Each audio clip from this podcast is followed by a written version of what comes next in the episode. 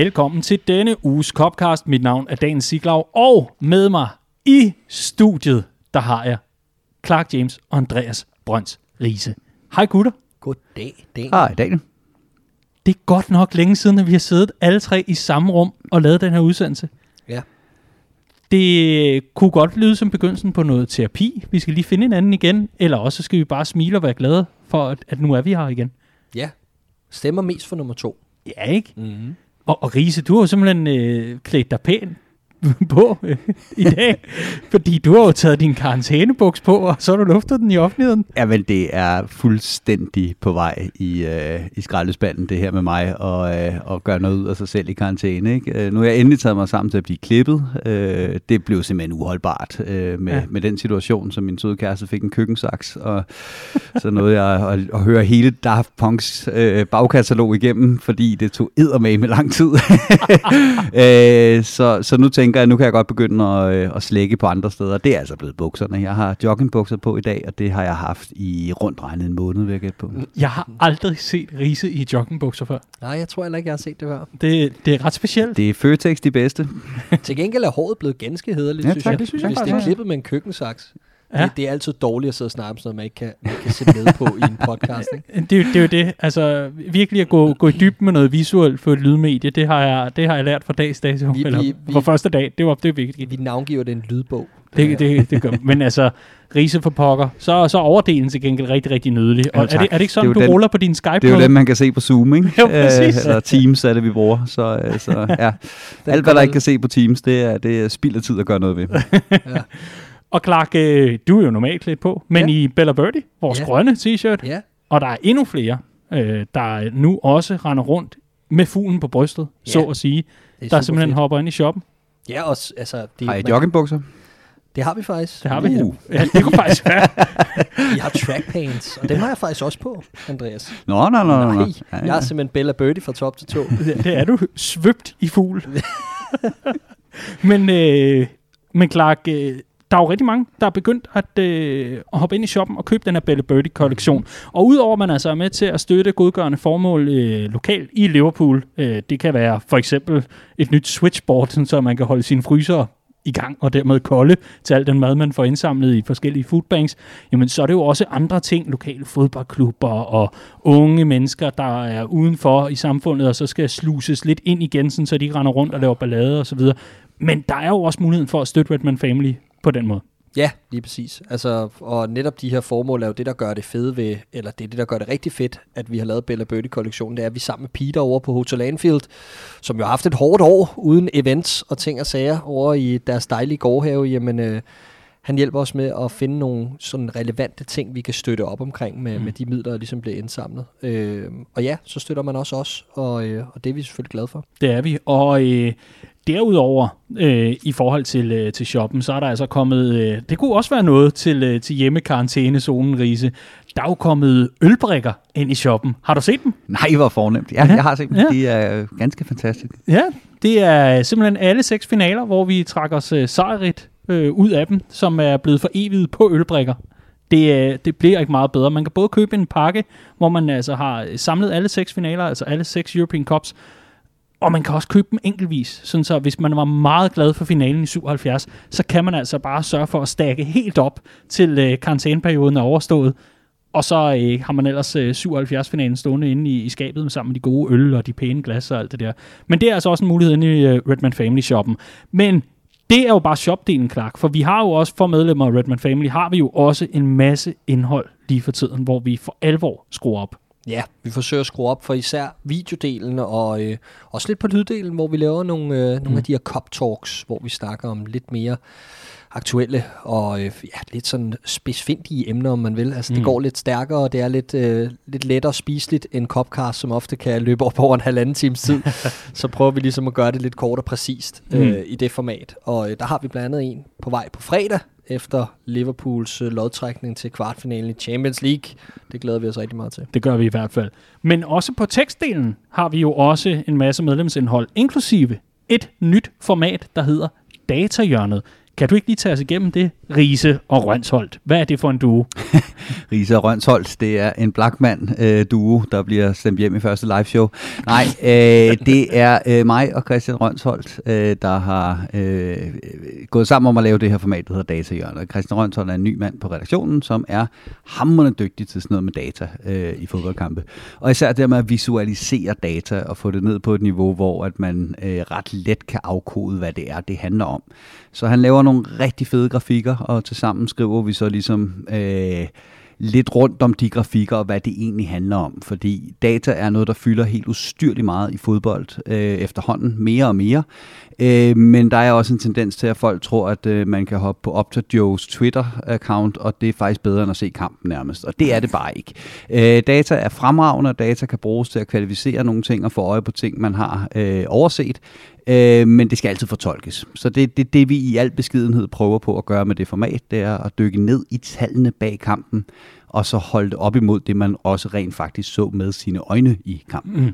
Så, øh, og det kan jeg måske lige øh, supplere med her, det er, hvis man er lidt allergisk over for alt det der XG og øh, mystiske tal og decimaler osv., så, videre, så er datahjørnet altså et godt sted at starte i forhold til at forstå dataen, ved jeg, ved jeg egentlig bare sige stille og roligt, totalt upartisk og, og meget, meget objektivt, vil jeg bare konstatere, at man, man meget nemt kan få den her indkørsel i at forstå, øh, hvad, hvad, hvad, hvad, hvad vi kan udlede af dataen, men altså også se Liverpool måske et lidt andet lys. Hvis man har nogle, hvad kan man kalde det, opfattelser af, hvordan tingene foregår, så kan man gå ind og få dem be- eller afkræftet, men man kan også få nogle nye nuancer i forhold til sin fodbolddebat sammen med venner og gutter osv. Hold kæft, hvor skal det blive godt at kunne sidde på poppen igen og diskutere fodbold. Og diskutere XG. Ja, og var. Nå. øh, men noget, der er næsten endnu bedre end det, fordi det venter vi jo stadig øh, spændt på, hvornår vi kan få lov til at samles igen på popperne, men om ikke andet til en start er det rigtig dejligt at være samlet her i Copcast. Jeg har glædet mig rigtig meget, og jeg håber, I er, I er friske og veloplagte til at øh, nørde en masse Liverpool. Vi har to kampe, vi skal igennem, og så Bella og Birdie. Er I friske? Ja, Det er jo så. Så lad os komme i gang med vores første studieudgave af Copcast i 2021. I den forgangne uge, der så vi Liverpool FC omdanne Puskas Arena til Anfield. Eller omvendt, Anfield burde måske ligge på Puskas Arena efterhånden. Det er en bane, som vi er blevet, og et stadion, vi er blevet utrolig glade for, Riese. Og øh, nu har vi altså øh, to omgange udstillet og udspillet Julian Nagelsmann, den store, store komet inden for trænerverdenen. Han er altså blevet udspillet af Liverpool af to omgange nu. Var det fortjent over de to kampe? Var det fortjent, at Liverpool gik videre, som du så det? Ja, det synes jeg er svært at sige, at det ikke er. Øh, Liverpool var klart bedste hold over de to kampe, og måske særligt i den anden. Øh, I den første, der kan vi godt diskutere, at der skulle nogle personlige fejl til fra, øh, fra øh, Leipzig ned i deres forsvar, øh, for at vi sådan for alvor kom i gang. Men i den anden kamp, der er det fuldstændig Liverpools egne fejl, der gør, at vi ikke vinder den kamp meget større. Så, øh, så for mig at se 100% øh, fortjent mm. avancement til, til kvartfinalerne i Champions League. Den her returkamp mod Leipzig på selv samme stadion, som vi slog dem i, i første opgør. Øh, den her returkamp var der jo mange, der sad og så frem til, ud fra den her vidshed om, at hvis det nu gik galt nu, så kunne man godt kyle den her sæson ud i skraldespanden. Sad du lidt med samme følelse, inden kampen gik i gang, Clark? Ja, det gjorde jeg da, men jeg vil også sige, at jeg var ikke rigtig nervøs på noget tidspunkt. Øh, da vi blev ved at brænde chancer, tænkte jeg, okay, der skal et nervøst moment til, at jeg kunne blive nervøs. Øh, men jeg synes, at kampbilledet lignede meget det for første kamp. Øh, vi skaber mere, som Risa er inde på. Vi har, vi har meget mere initiativ i kampen. Vi er øh, langt mere sådan direkte i vores gameplan offensivt, øh, med Fabinho tilbage på midtbanen. Øh, og i det hele taget var der sådan mere øh, følelsen af, at Liverpool kunne afgøre det her selv.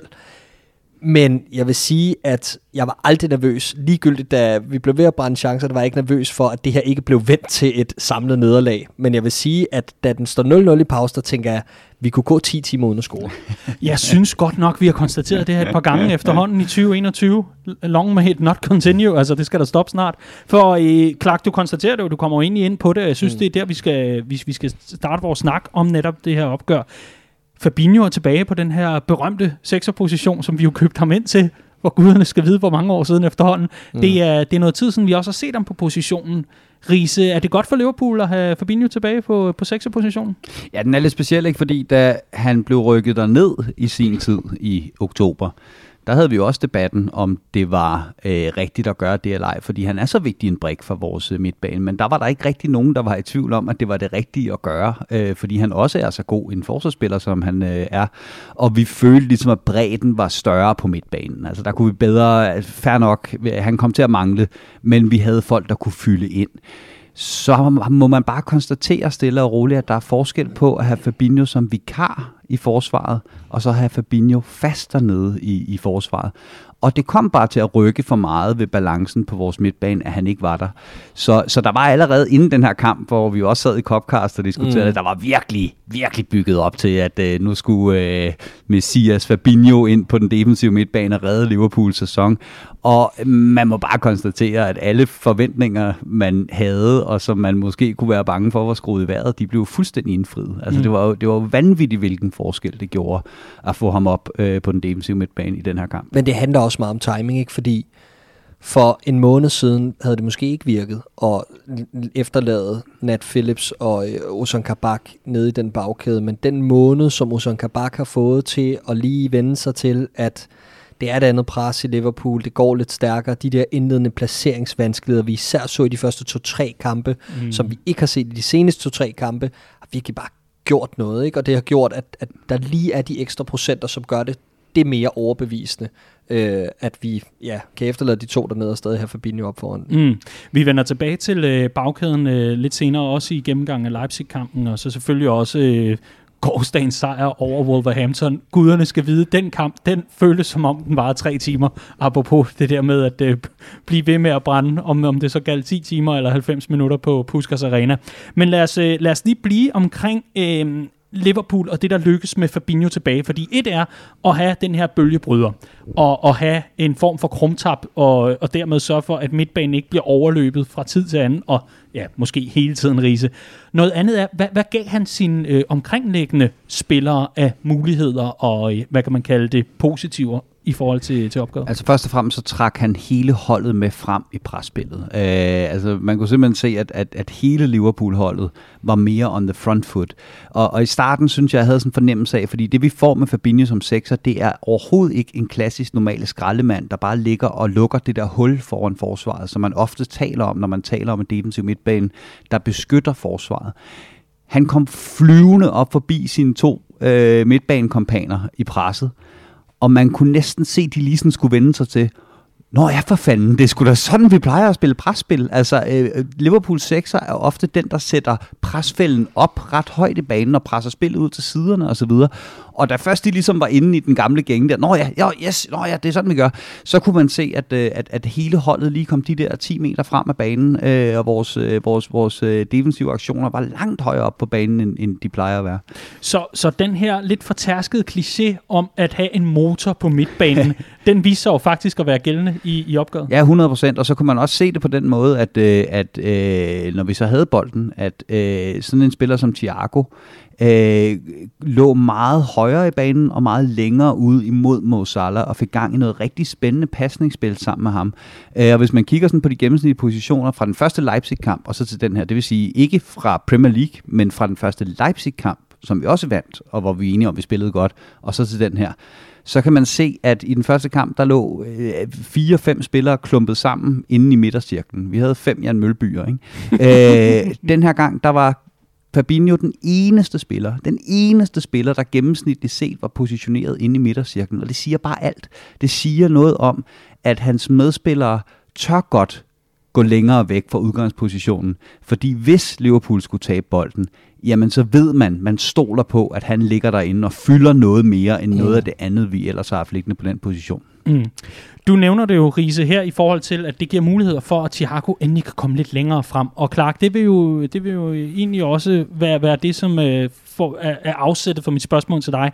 For det er, er det nu, at vi kan begynde, og det er efterhånden ved at være et stykke tid siden, at han trods alt øh, stod og, og sagde, oh, it's, a, it's a nice øh, video, og de er meget kreative, de der Liverpool-fans.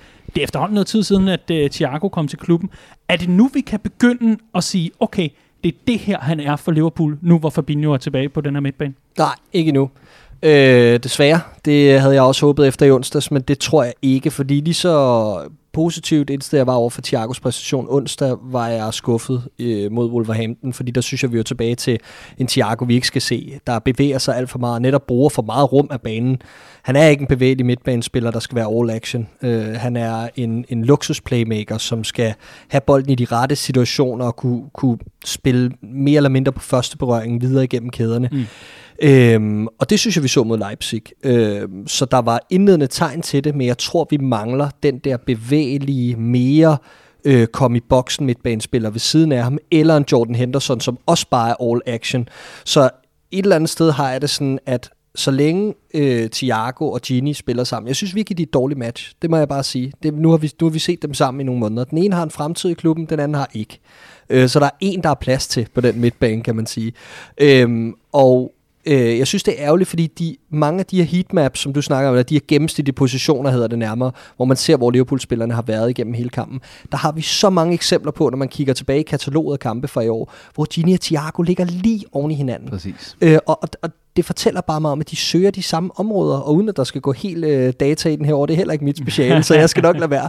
Øhm, men, men så tror jeg bare ikke, det er det rette match på midtbanen, vi ser i øjeblikket. Så timingen er der ikke lige nu, for, som jeg ser det, for at Thiago kan forløse den spiller, han skal være for Liverpool mm. før, formentlig efter sommerferien. Vi kan jo vende tilbage til midtbanen, når vi netop gennemgår Wolverhampton-kampen øh, lidt senere, for lad os øh, endelig komme, komme ned til bagkæden, for det er jo den, der lige pludselig blev øh, efterladt helt alene til to urutinerede unge knægte, som jo øh, ved Gud ikke har mange år på banen i Liverpool overhovedet. Tvært imod, og måske derfor er det så meget desto mere imponerende, det vi så efter opgøret og efter sejren igen over RB Leipzig. Så flød internettet over med memes og hyldester og kulterklæringer øh, omkring Nat Phillips. Big Nate. Big Nate, hold nu op, mand. Bolden Baresi. Ja. Så Riese, jeg vil jo egentlig øh, bare lægge den op til dig, som var det beachvolley. Du kan bare smash den alt, hvad du vil. Fordi efterfølgende så satte du dig til tastaturet, fordi det der, det gik lige i hjertekuglen på dig den hyldest af Nat Phillips. Ja, men jeg, jeg bliver nok nødt til at starte øh, med, at, øh, at for at det her ikke skal blive hammerende hyklerisk, at øh, sige, ja, det er fuldstændig rigtigt, at jeg tidligere i det her program på sæsonen har udtalt, at jo mindre jeg ser Nat Phillips spille fodbold, jo gladere bliver jeg. Æh, og det, det mener jeg stadigvæk, jeg vil holde fast i på den måde, at, at han er jo symbolet på en situation, der ikke er holdbar. Ikke? Altså, når han går på banen for Liverpool, så er det fordi, vi mangler fire centrale forsvarsspillere, ellers så har han ikke stået der. Øh, så derfor bliver jeg stadigvæk lidt ked af det, når jeg ser ham, fordi at det minder mig om, hvem det er, vi ikke har på banen. Mm. Men jeg skal også gerne indrømme, at han, har, han, han, han, han, han vinder på en efterhånden, den her, øh, den her fyr. Ikke? Øh, fordi han, han kæmper jo røven ud af bukserne, og han har bare en indstilling øh, og, og et fighterhjerte af den, af den anden verden.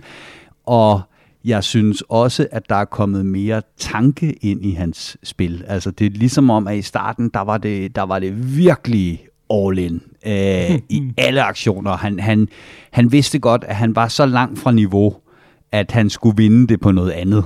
Øh, og der, der skal jeg gerne indrømme, der sad jeg med, med hjertet op i halsen øh, det meste af tiden, når jeg så ham spille fodbold. Det gør jeg stadigvæk, fordi en eller anden dag, så lander han på ansigtet og hætter den direkte ned for fødderne af modstander, og så, har vi, så er vi. Ikke? Han lander tit på øh, ansigtet. Præcis. øh, men, men en eller anden dag, så ender bolden hos en, en, en modstander i stedet for en, en medspiller. Ja. Øh, men men, men, men det, det, det er jo faktisk solidt det han, han, han leverer og har gjort det i nogle kampe nu. Ikke? Det må man bare konstatere. Kontrolleret selvom, kaos, skal ja, vi ikke kalde det selvom det. Jeg stadigvæk, selvom jeg stadigvæk ikke tror på, at man han har må... nogen større fremtid i Liverpool, så er jeg meget imponeret og sådan helt, uh, helt overstadig glad, som du også hentyder til med det, jeg fik fik skrevet. Det, det startede egentlig ikke som en ode til Nat Phillips, men det blev det. Og det var jeg, da jeg så var færdig med den, så tænkte jeg, det, ja. det, det, det er faktisk fint tilfreds med, at det er. Er han også blevet en, fuld, øh, en, fuld, wow, en kultfigur hos dig, klar? Jamen helt sikkert, det er han. Øh, og på rekordtid, vil jeg sige, fordi jeg anså ham ikke som andet end, end en brik, der bare lige var der nu her til at fylde ind for en måneds tid siden. Og jeg vil bare sige, at, at altså, da vi var i allerstørst modvind, der stod Nat Philips store æg der bare, ikke? og stod i vejen for det ene indlæg efter det andet. Ikke? Og altså, du kan jo kyle hvad som helst efter ham på, at han hætter til en brødrester. Altså, han er, det, det Jamen, han er fuldstændig ligeglad. Ikke? Han er den eneste, jeg har set, der nærmest spiller et-to kombinationer med hovedet. Ikke? Altså, jo, jo, jo. Han vil for alt i verden hellere spille med hovedet, og det vil vi for alt i verden også helst have, at han gør, fordi han kan ingenting med fødderne. Altså. Så øh, det er, ej, men det, det er helt formidabelt, og øh, jeg elsker de der historier.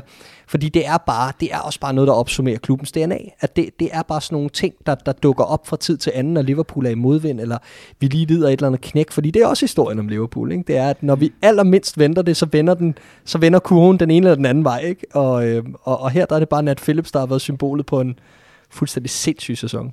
Men, men det er altså også meget Liverpoolsk at få de her kultfigurer, er det ikke efterhånden? Jeg Jo. synes, det er en rigtig klop-ting i hvert fald. Altså, jeg, jeg kan ikke lade være med at, øh, at sammenligne ham med John Flanagan 13-14. Åh.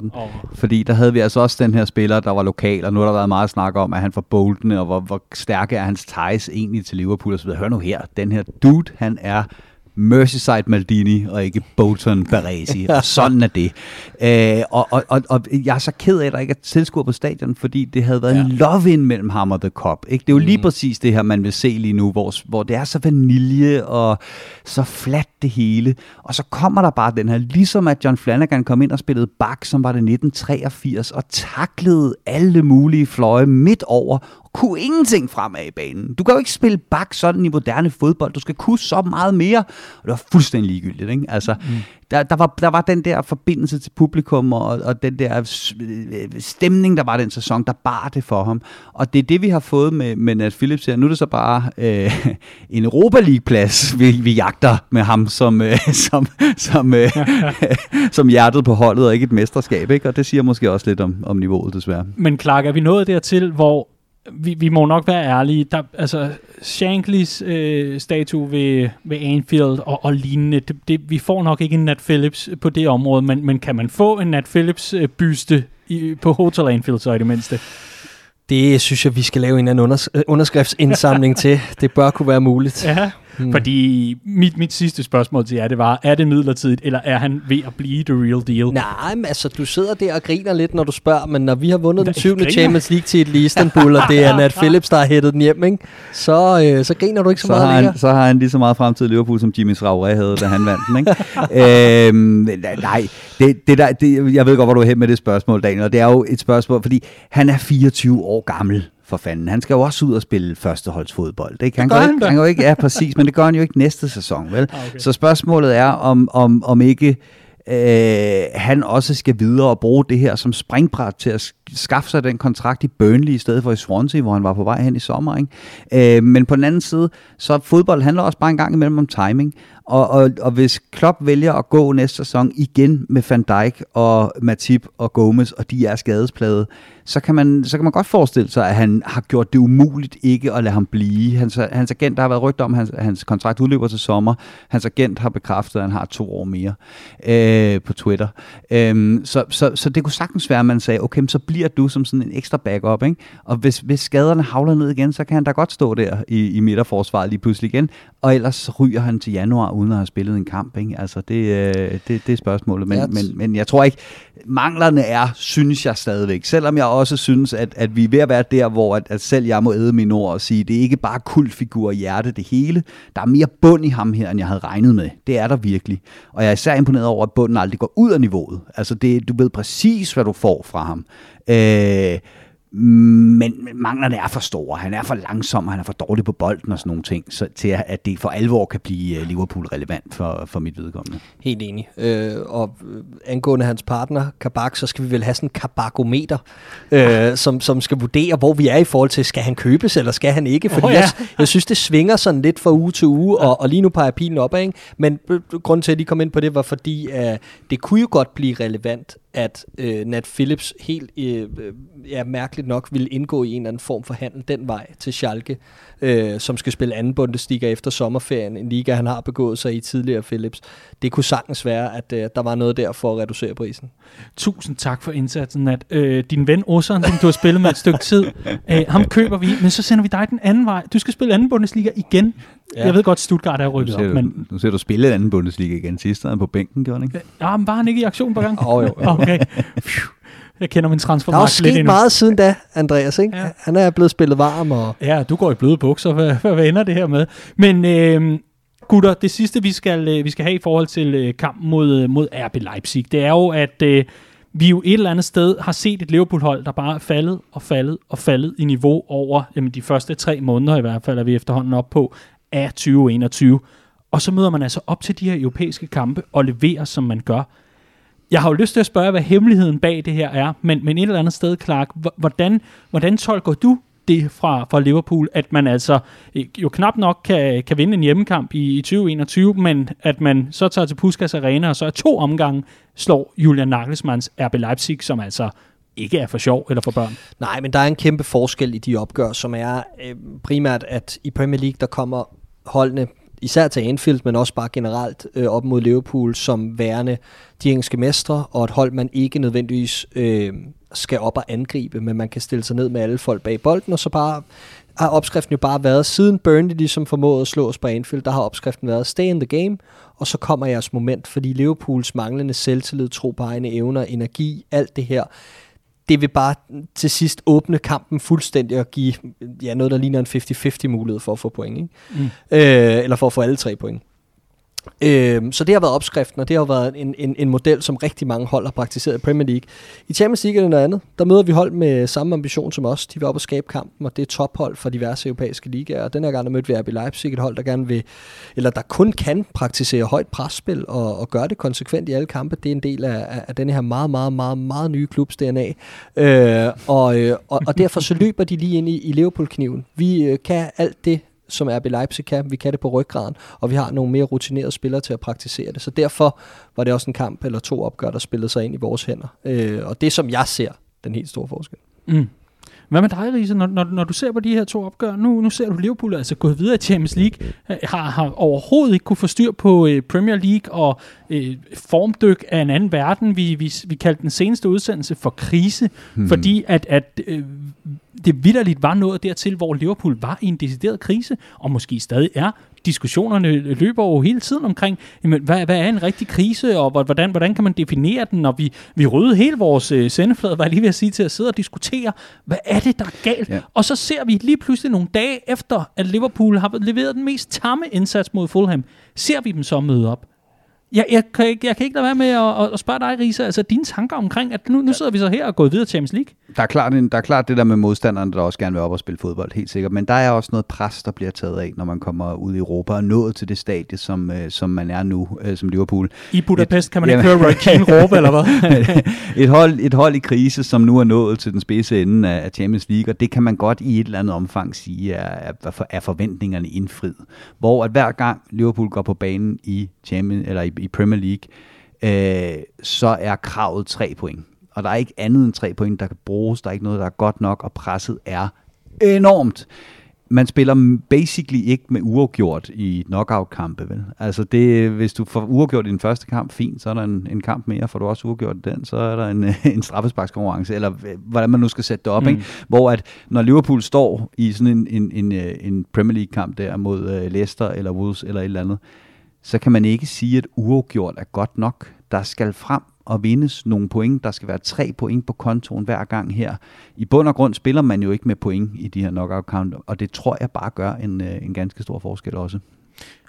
Men nu er vi videre i Champions League. Guderne mm. skal videre. Jeg sad var... Øh, du siger, du var overhovedet ikke nervøs Nej, øh, en, en opgør. Jeg var rystende nervøs. Altså, især efter Fulham-kampen, der tænkte jeg, åh, min Gud, skal vi nu ind til det her igen, hvor Liverpool de bare altså, åbner proppen i badekarret, og så fosser det ellers bare ud. Ja, jeg, jeg var bare så bevidst om, at, at det ville blive en helt anden ja. opgave, og, og netop det her med, at vi havde den 2-0 i bagagen, mm. så, så var det bare, altså jeg kunne slet ikke se, hvordan Leipzig, der var tvunget til at komme frem med den stil, de har, hvordan det ikke skulle efterlade plads i bagrummet, med, mm. med, og vi havde da lige øh, hvilet en masse spillere i weekenden. Øh, det havde så sin pris, kan man sige, muligvis i hvert fald, mm. men, men vi havde spillere klar, og vi virkede som om, vi prioriteret det her, og ja, jeg kunne bare ikke se det gå men, men jeg kunne ikke lade være med at tænke tilbage på de gruppekampe, som Leipzig havde mod Manchester United, hvor det jo var natterdag, og så tænkte mm. jeg jo mm. netop, åh oh, nej, er det så nu, at vi for alvor skal have med kontrakniven og virkelig fanges ud af balance? Ja, men, øh, der tabte de 8-2 samlet. Ja, det kan man jo sige. men, men, øh, men, nej, nej, vent, 7-3 må det være. Ja, ja, det, det giver bedre ja. mening. Men øh, men, men her er vi videre i Champions League, og spændende skal det blive at finde ud af, hvem, øh, hvem, hvem, hvem vi trækker. Det, det bliver sådan lidt underligt at skulle sidde og, og gætte eller analysere osv. Lad os tage den, når det, endelig, øh, når det endelig foreligger, og så kommer en stor analyse i næste Copcast. Men umiddelbart, så varmer det da at have europæisk fodbold stadigvæk på programmet, trods alt i en øh, ellers temmelig kummerlig sæson. Nå, men det er jo super vigtigt, altså fordi som du spørger om indledningsvis, om man var klar til bare at sige om tak for i år, hvis ikke, at vi var gået videre. Ja, fordi en ting er, at hvis man havde smidt en 2-0-føring, så havde det jo været en farse. Altså, det er jo helt sikkert. Og en anden ting er, at man er så langt efter de top 4 placeringer, og ja, det havde sgu bare været opgivende tendenser, tror jeg, i fanskaren, hvis, øh, hvis det havde været tilfældet. Mm. Men her er vi videre i Champions League, og det var i hvert fald øh, noget, vi kunne, vi kunne smile af. Nu skal vi rykke videre til øh, langt mere aktuel og presserende kamp. Vi skal tale om gårdsdagens sejr over Wolverhampton. Det er godt nok længe siden, at jeg har siddet og været så irriteret over Liverpool, mens jeg har siddet derhjemme og set dem på mit tv. Hold op en uskøn og redderlig indsats, vi fik at se i går. Men her sidder vi tre point rigere. Clark, hvordan så du det her opgør mod Wolverhampton? Jeg så det faktisk slet ikke så slemt. Altså, okay. jeg, jeg så et, et, øh, et hold, der ikke nødvendigvis havde særlig god kontrol over kampen i, øh, i hovedparten af tiden, men øh, og som var frustrerende frem af banen til tider. Dårlige beslutninger individuelt, lidt for langsom boldomgang og sådan nogle ting. Men jeg så også en koncentreret defensiv indsats med flere personlige øh, ja, højdepunkter, eller ja, øh, mm. individuelle præstationer, som var værd at fremhæve i hvert fald. Øhm, og så var jeg aldrig rigtig så nervøs for, at vi ville smide det hele væk. Øh, egentlig. Øh, så nu lyder det som om, jeg slet ikke har været nervøs den sidste uge. Men, men jeg, jeg tror, at jeg synes aldrig rigtig, Wolves blev farlige for alvor. Øh, og jeg synes egentlig, at når vi kom ned til det område, hvor det var rigtig farligt, nemlig den centrale defensive akse, der havde vi to folk, og med Allison på kassen, der egentlig præsterede og, øh, og var klar. Mm. Nå, men Riese, så kan jeg jo så vende hovedet over mod dig, og så spørge dig, synes du, Liverpool på noget tidspunkt havde ro og, øh, og overblik over det opgør, de spillede mod Wolverhampton? Øh, nej, det synes jeg ikke. Øh, jeg, jeg, jeg, jeg, jeg synes, det var irriterende at se, at vi går ud og præsterer, som vi gør mod Leipzig, og så er det et skridt tilbage igen. Mm. Øh, fordi vi har brug for at bruge de her præstationer som springbræt, men som jeg også har sagt tidligere, så tror jeg ikke længere på den der eksplosion, hvor at det, der ligger lige under overfladen, bare eksploderer op, og så går Liverpool på et run og vinder resten af kampen og så videre. Det er slet ikke det. Vi skal grinde os ud af den her krise. Og der synes jeg, vi gjorde nok i den her kamp i forhold til, at vi fik i hvert fald resultatet med hjem. Ikke? Øh, det var en uskøn arbejdssejr, det var en pligtsejr dem har vi bare haft for alt, alt, alt for få af det sidste stykke tid. Og når det kommer ned til det for mig, så sad jeg bagefter og tænkte, altså nu når vi til den her del af sæsonen, hvor Wolverhampton kan ikke rykke ned, og de kan ikke nå Europa. Øh, der skal et hold, der jagter noget, som er så godt som Liverpool, skal jo vinde den her kamp. Selvfølgelig skal de det. Det skal vise sig, at vi ved det mere, Øhm, modsat mod Fulham, hvor vi var enige om, at der var det Fulham, der ville det mere.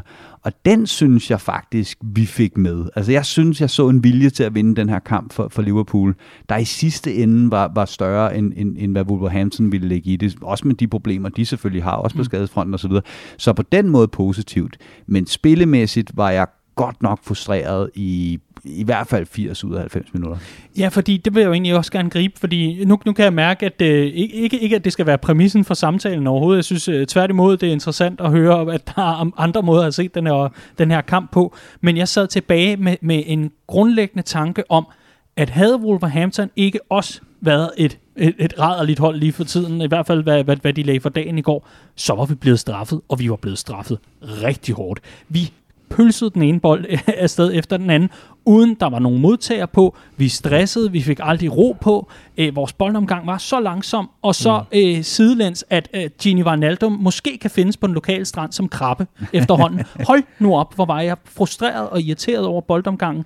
Der jo aldrig fandt et normalt leje, hvor man kunne se Liverpool opbygge et angreb. Så ganske rigtigt, så kunne man blive fanget i et opspil, og så kunne der komme de her kontrastød fra Wolverhampton, som de uden tvivl rigtig gerne vil spille på. Adama Traoré, han har vist nok nogle øh, rigtig, rigtig høje og farlige stats, når det kommer til at være enormt afgørende. Han, han var farlig, måske, det ved jeg ikke i opgøret, men, men det var i hvert fald hele tiden sådan, at vi inviterede Wolverhampton til at få muligheden for at bringe regnskab i, øh, eller balance i regnskabet, mm. efter vi havde bragt os foran. Jeg var enormt frustreret over den første halvleg i hvert fald, og anden halvleg synes jeg ikke nødvendigvis blev meget bedre. Øh, jamen, det er sjovt, så man kan se det forskelligt, fordi jeg er helt mm. med på, at vi ikke spillede en, en fantastisk kamp, og som jeg også sagde indledningsvis, jeg synes ikke, vi havde kontrol over kampen sådan i hovedparten af tiden. Men det er også historien om det her Liverpool, vi har set i 2021, som bare ikke kender deres besøgelsestid. Vi så det også nede i Leipzig. Prøv at tænke over den første halvleg, du nævner nu, Daniel. Da vi skal føre 3-0. Altså, øh, Mané bliver spillet igennem til en friløber, hvor at de spillere, du snakker om, eller Gini Wijnaldum for eksempel, faktisk har et moment, hvor at ham og Thiago gør det rigtige. Thiago op gennem en kæde, Gini første gang op gennem en kæde, så man er igennem. Der skal være mål. Så har vi en situation, hvor Trent slår et af de her indlæg, som han er blevet skældt ud for at slå hele tiden, hele sæsonen. Og så slår han et fantastisk indlæg ind i hovedet på Mané, der ikke kan ramme målet frit for foran straffesparkspletten, hvor der skal være mål. Og ja, som du sidder og giver tegn til, så havde han en uh, spætten i onsdags mod, uh, mod Leipzig, ikke? hvor han også havde en fri hætter lige foran mål. Uh, og så har vi Shorter scoring, så det skal jo stå 3-0 i pausen, og så er den ged altså barberet. Mm. Og, det, og det, det er det, jeg tror, jeg har det sværest med, det er egentlig, jeg synes, at opskriften er den rigtige langt hen ad vejen, og så kan jeg godt leve med, at der ikke er den store kontrol hen over midtbanen i alle kampe, og det i øjeblikket er lidt svært for Liverpool at finde en eller anden form for rytme, fordi som du er inde på, Andreas, der mangler for meget individuel kvalitet på for mange positioner til, at jeg også bare forventer, at lige pludselig så klikker det. Det tror jeg først, det gør efter sommerpausen. Så jeg tror bare, jeg sidder tilbage med den der, at har Liverpool bare lige 10-15% mere skarphed, så sidder vi og har en helt anden konklusion efter kampen i øjeblikket, og den ligger altså hos de tre forreste, som jeg synes, Shota scorer i går, fint, og det er, det er et mål, som virkelig opsummerer ham og hans debutsæson. Det her med, at han kan skabe ting ud af halve chancer. Det er fedt. Salah scorer rigeligt, og så er der altså en mand tilbage i øjeblikket, og han hedder Sadio Mane, og hold kæft, var han uskarp. Han kunne ikke øh, slå en bule i en blød hat. Nej, men altså... Jeg, Han kunne ikke ramme en kos røv, man jeg ved slet ikke, hvad jeg skal sige mere. Altså, det er... Man kan det, ikke afslutte en sætning. Nej, det kan jeg heller ikke tydeligvis. altså, så, ja. Og vil, vil du ikke tage over, Riese? Sadio Mane, han er jo ved at blive... Øh, jamen, det er jo sådan et smertensbarn, det her. Ja, ja, jamen, og det er... Øh, Sadio Mane har ikke spillet godt i et halvt år, og jeg tror, jeg gav ham øh, en af de allerførste birdies i den her sæson for at rende rundt ude på venstrekanten i en fri rolle med titallet på ryggen, og ikke levere nok til, at det var forsvarligt, altså i forhold til, hvad man forventer af ham i den Mm. rolle. Og den analyse kan du bare copy-paste 25 gange, og så har du hans sæson. Ikke? Øhm, øh, det, jeg har det stadigvæk sådan, at Sadio Mane, han, øh, det, det kan man også se efter kampen i går. Der, det er meget blandet, hvad han har fået at modtage sig efter den kamp. Fordi han er stadigvæk den, der skaber mest, den, der prøver mest, den, der laver mest uro, der hvor det farlige opstår osv. Han gør bare ikke noget færdigt i øjeblikket. Og beslutningstagning, han ser så mentalt ramt ud. Altså den, han har til allersidst, hvor han... Øh, hvor han øh, dribler ind i banen for, for, for hvad? Enten så går du efter afslut kampen, så går du efter 2-0-målet. Hurtigt spil kamp, chancen større, luk kampen. Ellers dribler du til hjørnefladet, hvis du skal trække tiden.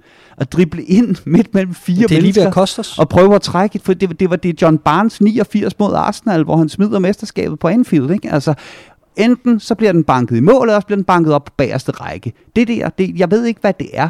Og det er det, der er begyndt her det sidste stykke tid med Mané at, at snige sig ind. Øhm, vi er gået fra middelpræstationer, altså sådan, hvor at, hvad, hvad, altså, hvad, fem, seks stykker. Noget går godt, noget går ikke så godt. Så ligesom med Liverpool, hvis han, man har en dårlig kamp mod en, en, en, en dårlig modstander, det kan ske. Hvis du har 10 i streg, så når du også til en punkt, hvor situationen, selvom præstationer måske er til 5 eller 6, så er situationen bare til et et-tal. Fordi det må ikke blive ved med at ske så mange Mm. gange. Og det er der, vi er med Mané. Jeg synes så til gengæld også, må jeg indrømme, altså den der spætte mod Leipzig, den laver han, fordi Mohamed Salah brænder en friløber. Mm. Ikke? Nu skal vi til det næste stykke tid, skal vi til at diskutere rigtig meget Andy Robertson, kan jeg fornemme. Og der bliver analysen hver eneste gang, men han har også spillet uafbrudt i tre år. Det har man også. Yes. Den, den, det, det, og du kan smide Gini Wijnaldum og Gini. Wijnaldum oven i den. Der, der, der, er- jeg, jeg, jeg, altså, øh, han smider sig ikke til det her straffespark igen. Mm. Det er carbon copy Mané, som han har været i fire år nu. Hvis han har bolden inden for rækkevidde og front mod mål, så kan du ramme ham med en bazooka. Mm. Han vil ikke falde. Så han har været i fire år. Heller ikke, når man føler, han bør. Når han til gengæld har ryggen mod mål, så skal han rammes med en fjer. Så prøver han netop det der, som han også gjorde til sidst ja. ja. med at trække et frispark. Og det er alle hans straffespark, hvor han er faldet let, de er kommet med ryggen til mål. Var det Michael Owen, der var ude at sige, at det er fordi, Ja, han ikke vil have, at Mohamed stop. Salah scorer Ja, på det straffespark? sindssygt. Det er sindssygt. at han ikke lader sig falde der, så, så, er, så, er, så er kritikken kammet over, fordi så går vi fra præstationen til situationen, præstationen middel, situationen helt af helvedes til, til personen. Ja. Og det er langt, langt, langt, Ja, langt over helt grænsen. enig, helt enig. Der er vi slet ikke. Jeg tror bare, at min frustration er præcis som den var tilbage i 2017-18 med Mané. Fuldstændig. Hvor at man sidder med, med følelsen af, at du kan meget mere, min ven. Og det, der er så irriterende at kigge på i de her kampe mod netop Leipzig og Wolverhampton, altså kampe, som jeg vil sige, han spiller ikke bedre, end jeg vil forvente, de var gode i gør i de opgør. Altså, det er det niveau, vi er på, og alligevel får han faktisk et mål og en assist i de to kampe. Så det, det er jo helt mærkeligt. Men hvis vi netop tager de situationer, som bliver kampafgørende i de kampe, det 1-0-mål nede i Leipzig, der er, gør fronttriven det simple, og det de skal. Ja. Få berøringer, god bevægelse for hinanden, læg den af til hinanden, se op og find hinanden. Alle tre er involveret, mål. Det samme mod Wolverhampton. En situation, hvor de træffer den rigtige beslutning, og så er vi farlige. Og jeg forventer bare, at det sker en til to gange mere per kamp. Altså det, det er virkelig ikke mere, jeg forventer. Og Mané, det kan godt være, at, øh, at øh, de- dem, der siger det modsatte i den her Wolves-kamp, fordi jeg så godt, at han er blevet man of the match alle mulige steder. Det vil jeg skide på. Han spiller en redselsfuld kamp. altså, og, og, og, han bliver kun reddet i min karaktergivning til at bestå på et firtal, fordi han får den assist, og han faktisk gør noget rigtigt i et afgørende moment. Det, der bare irriterer mig, ja, han skaber meget i den kamp. Han skaber mange farlige situationer, som ikke bliver gjort færdige, som du også er inde på, fordi der er dårlig beslutningstagen. Mm. Tænk, hvor farlig han vil blive, hvis han bare skruede til 20% op for det. Og det er jo bare det, vi mangler, for at vi igen kan sidde og til sidst ja. efter en kamp sige, ej, hvor var Liverpool gode i går, i stedet for at være skuffet over, hvor lidt kontrol vi havde over en kamp. Mm. Og så er der altså også bare et attitudeproblem for mig at se. Altså fordi når vi snakker om det med Andy Robertson, der bliver, øh, øh, øh, hvor man har den Asterix, der hedder, han har spillet så meget fodbold. Der, der, Mané, han dalrer. Altså det, hvor han i Robertson, der foregår alt lundt i løb. Ikke? Altså han, han laver den der øh, til slut i kampen, hvor han, øh, han laver en Babangida og stikker, laver stikninger til sig selv. mm. Ikke? Altså, øh, det var fedt. Ja, fuldstændig. Og, og, og han, har ikke, han har ikke ramt noget med sin indlæg, heller i et halvt år nu, nærmest. Altså det, det har også været rigtig, rigtig skidt. Tre måneder uden en assist. Når det kommer til, til, til den sidste, og det er også der, vi er med Mané, det er det sidste, det er på sidste tredjedel, det er den sidste beslutning, den sidste afslutning, alt det her osv. Der er bare en anden attitude omkring det, hvor at, at den vil jeg gerne være med på. Der sidder jeg jo også og er rigtig irriteret over Mané i øjeblikket, altså det er købt. frustrationen er, er enormt stor. Jeg synes også, øh, frus- frustrationen er også til at mærke i forhold til nogle af, nogle af de situationer i går. Altså, Thiago ligner længe et, et omvandrende rødt kort, øh, og, mm. og kan også med, med lidt uheld jo sagt smides ud for nogle af de situationer, han er involveret i. Han, han er heldig at slippe med en, en, en henstilling i den første situation, hvor han jo saver, at Ruben Neves, der bare bliver ødelagt på midten af banen fuldstændig. Jeg, jeg kan godt se i situationen, at øh, foden bliver prikket ned i jorden, og så ryger den op, og så er det ikke under kontrol, men altså, man skal lige præcis have den mest mavesure og knap så adrette dommer i, i nærheden, der ikke lige føler for lovbogen om, på dagen, eller situationen, eller nuancen, så er der et problem der. Og så har vi altså også en situation, hvor Alison Becker sagtens kan give straffespark. Ja, det det, det er... Øh, godt nok heldigt, og der har vi bare heldet med os i går. Det synes jeg lidt mm. er, er, er en af mine overskrifter for det her opgør, og en af grundene til, at jeg var så frustreret efterfølgende, og min puls var på 300. Den er faldet ned, og men det lyder, det lyder måske ikke sådan, men min puls er faldet ned i, i mellemtiden. Jeg synes bare, held var lidt for stort, øh, hvad kan man sige, en, en lidt for stor medspiller for os i, i det her opgør. Og der vil jeg så sige, at det er grunden til, at jeg sad og var glad efter kampen. Okay. Det er, at vi endelig havde det her. Ja, Nå, jeg- præcis. Jeg, jeg, jeg, jeg, jeg kastede bare fjernbetjeningen op i luften, og, Og- så og- gik jeg udenfor. Og vi har jo snakket om det så mange gange, at de der marginaler, der har været ja. Ja. gået Liverpools, øh, imod Liverpool, og det ligner, at det er den første marginal, så vælter korthuset. Men så er vi også nået frem til den der konklusion, der hedder, det er heller ikke tilfældigt. Mm. Man opsøger også selv sine marginaler. Og det, det, det er det, jeg mener med, at vi tog til Leipzig og gik stormskridt fremad. Mm. Så tog vi til Molineux, øh, hvor at, at heldigvis så kunne øh, Wolves ikke vinde over Liverpool på, på Molineux, øh, om, om vi så var syv mand i undertal åbenbart. Altså det må bare ikke lade sig gøre for dem. Det er et kompleks, de har omkring at spille mod Liverpool også. Øh, men men går ikke, vi går ikke lige så langt tilbage, som vi kom fra, vel? Øh, og, og, og det er det, der skal bygges op. Det er det her sådan stille og rolige genopbygning af, af mentaliteten og tro på, at tingene kan lade sig Mm. gøre, og marginalerne godt kan gå vores vej. Øh, og, og det gjorde de, og det, det, det, det, det synes jeg heller ikke var ufortjent, at de gjorde, når det kommer til stykket.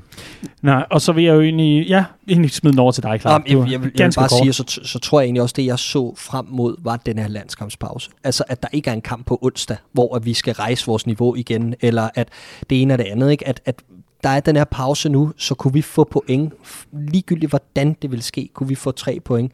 Det fik vi. Jamen, så er der faktisk noget byg mod frem mod sæsonfinalen, som er de næste ni kampe i Premier League plus knockout. Mm. Ikke? Øhm, jeg vil egentlig gerne øh, udlåde fri fadel øh, resten af 2021 til dem, der lige får stjålet nogle, øh, nogle pas her lige om lidt, inden spillerne begynder at få idéer om, at de skal ud med deres landshold ja. og spille. Bare, bare, bare stjæle dem. Fint. Altså, lige, lige med ind, hvis man har fået nejlet. Det kunne være, hvad ved jeg, Diogo Jota, det kunne være Mohamed Salah. I behøver ikke tage afsted, gutter. Det, det gør I virkelig ikke. Men altså, landskampspausen er der, altså. Men det, det, det bliver også spændende at se, hvad der sker. Ja, der har jo været det. snak om, at, at, at Liverpool vil holde nogle spillere hjemme på grund af røde zoner, ja. og Naby Keita bliver holdt hjemme fra en enkelt landskamp, for eksempel. Du må godt møde Mali, men så skal du også hjem. Ja, så er det hjem, når, du, når I skal møde Namibia, eller hvad det er. Ja. Øh, men, men, men det bliver lidt spændende at se, fordi ja. det, det kunne også være en nøgle til, at vi kan holde et eller andet steady, og vi ikke skal deal med, at der kommer nogen hjem enten med coronavirus, eller småskader, eller ting og sager. Nu har vi endelig fået så nogenlunde kontrol over den her skadesituation, så vi kan stille et hold, og faktisk også har en bænk, ikke? Øh, så det vil være rart, at vi også kunne det om tre uger. Det altså, vi kan lave hologrammer af Bob Paisley. Kan vi ikke bare lave nogle hologrammer af dem der og sende afsted? Der, er, der er indtil flere spillere, hvor jeg vil gætte på, at man ikke kan se forskel på, om det er dem eller det. man kunne heller ikke se forskel på Bob Paisley eller Tupac hologrammer. Så. oh. Nå, fra Tupac til Kabak. øh, vi, skal, øh, vi skal forbi Kabakometeret, ja. som man ting nu. Ja øh, Clark øh, Osan Kabak, og du kommer til at, at, at nævne de forbudte ord, efter en, en periode, hvor vi, se, hvor vi har siddet lidt i privaten og sagt, er der røv nok i bukserne på ham der, til at han, kan, mm. han skal købes fri til sommer? Hvor ligger kabakometeret nu? Vi har en frikøbsklausul, eller vi har en købsklausul på mm. 18 millioner pund. Øh, jeg vil sige 60 procent. 60 procent, ja. altså over mod, at... Øh, at vi køber. Ja. Hvor ligger du på kabakometeret?